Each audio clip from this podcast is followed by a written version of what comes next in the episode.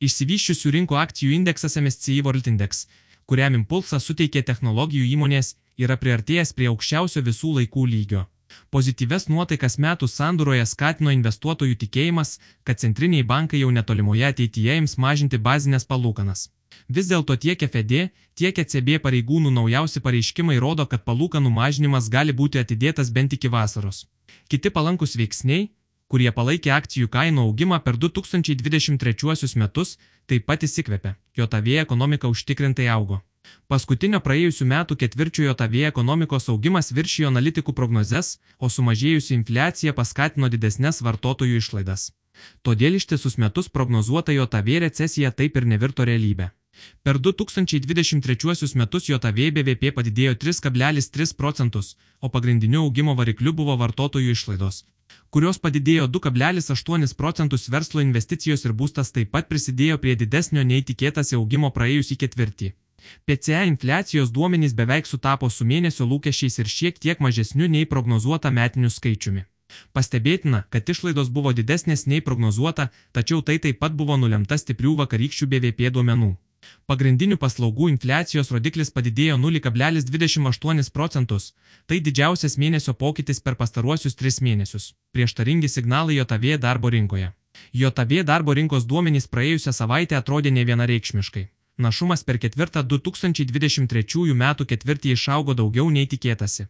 Tačiau rezultatas yra tai, kad darbo sąnaudos padidėjo daug mažiau nei tikėtasi, tik pusė procento tai rodo mažėjančios infliacijos tendencija. Tuo metu bedarbių skaičius išaugo daugiau nei tikėtasi iki 224 tūkstančių vėliau viską sujaukė JOTV sukurtų darbo vietų padidėjimas, kuris viršijo visus ekonomistų skaičiavimus. Toks darbo vietų prieaugis mažina tikimybę, kad bazinės palūkanos galėtų būti mažinamos jau kovo mėnesį. FED neskuba mažinti palūkanų. Federalinis rezervų bankas FED išlaikė stabiles palūkanų normas jau ketvirtą posėdį išėlė ir parodė nusiteikimą jas sumažinti netolimoje ateityje. Tiesa, FED pirmininkas Jerome Povelas sužlugdė investuotojų viltis, kad palūkanų mažinimai prasidės kovo mėnesį. JAV Centrinio banko politiką formuojantis federalinis atvirosios rinkos komitetas parodė, kad neskuba mažinti palūkanų normų praėjusį trečiadienį paskelbtame pareiškime pažymėdamas, jog nemano, kad tikslinga sumažinti tikslinį palūkanų rėžį, kol neatsiras daugiau užtikrintumo, kad infliacija tvariai juda link 2 procentų lygio. Penktadienio vasario antroji diena rinkos duomenimis Per dviejų savaičių laikotarpį indeksas Dovionės pakilo 1,7 procentai, SP 500. Laikotarpio prekyba baigė 2,2 procentai aukščiau, o technologijų indeksas Nasdaq composite paaugo 1,75 procentai, vėl stiprėjantis JAV doleris. Panašu, kad euro ralis įsikvėpė, o jį lydėję palankus vėjai nuo gruodžio išsisklaidė. Per gruodį euras buvo sustiprėjęs 4 procentai JAV DOL. Atžvilgiu, nes tikėtasi FED palūkanų mažinimo kovo mėn. Tačiau dabar rinkoje bus laukiama aiškesnių ženklų, kad artėja neišvengiamas JAV centrinio banko palūkanų mažinimas. Dėl to euro ir JAV DOL kursas, kuris gruodį buvo palietęs 1,11 JAV DOL. Už vieną eurą ribą, artimiausioje ateityje gali nepasikartoti. Euro kursas per pastarąsią savaitės nukrito 0,87 procentai ir nusistovėjo ties 1,07 JAV DOL riba. Tuo metu svaro sterlingo kursas fiksavo 0,61 procentas kritimą prieš dolerį ir penktadienį buvo prekiaujamas 1,26 JOTVDOL už vieną svarą kursų. Japonijos jena susilpnėjo 0,19 procentų, jos kursas prekyboje siekia 148 jenos už JOTVDOL. Pasibaigęs trumpo laikotarpio obligacijų ralis. Didesni nei prognozuota infliacijos rodikliai eurozonoje gali reikšti taktinio ralio, kuris neseniai buvo pastebėtas Vokietijos trumpalaikių obligacijų rinkoje, pabaiga. Tiek bendroji, tiek pagrindinė infliacija buvo didesnė nei tikėtasi, o tai sustiprins Europos centrinio banko ECB įsitikinimą dėl poreikio ilgiau išlaikyti aukštesnės palūkanų normas. Atsižvelgiant į 3,3 procentus pagrindinę infliaciją, ECB realioji palūkanų norma sudaro 70 bazinių punktų, o tai nėra toks ribojantis dydis kaip, pavyzdžiui, FED taikoma palūkanų norma. Šis faktas ir darbo užmokestis, viršijantis 5 procentai augimą, reiškia, kad ECB palūkanų mažinimo kampanija gali būti nukelta vėlesniam laikui nei šiuo metu tikisi rinka. JAV išdo 2 metų obligacijų pajamingumas per paskutinės dvi savaitės nukrito vienu baziniu punktu ir sudarė 4,36 procentus 10 metų obligacijų pajamingumas per laikotarpį sumažėjo. 8 baziniais punktais iki 4,03 procentų pajamingumo kreivė, matuojama atotrukiu tarp 2 ir 10 metų pajamingumo išlieka apversta. Jos inversija siekia minus 33 bazinius punktus. ECB palūkanų mažinti neskubės.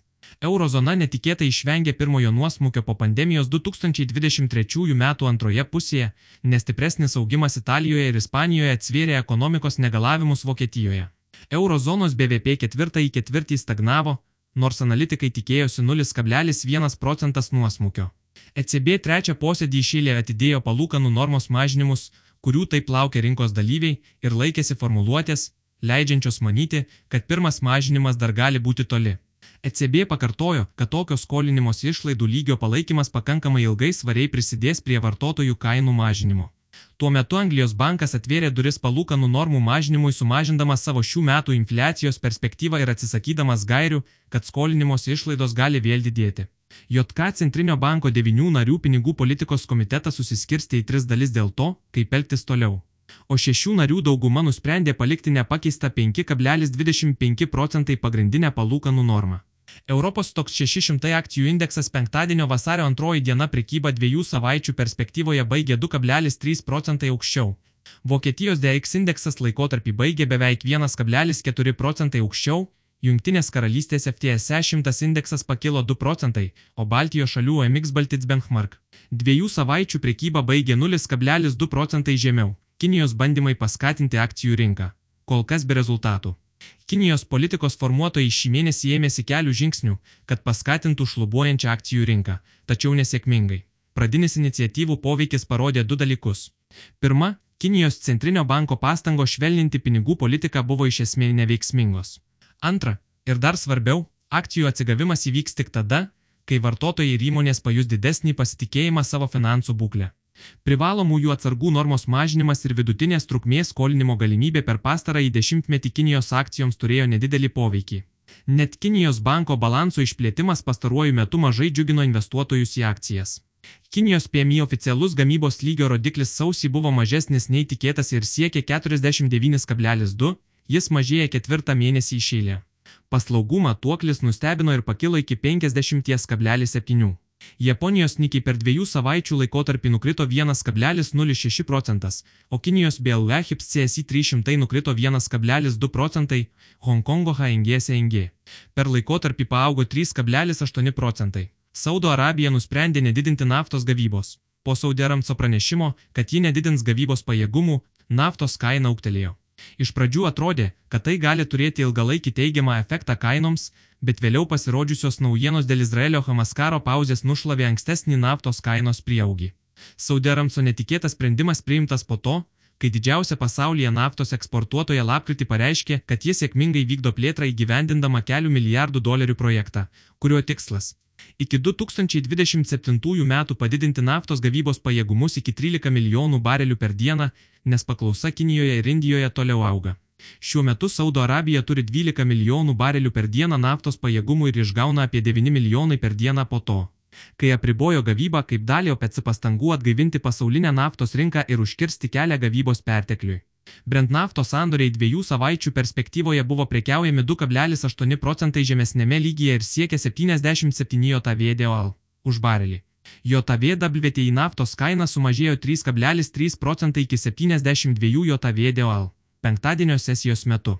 Aukso kaina paaugo 0,89 procentų iki 2039 JVDOL už unciją.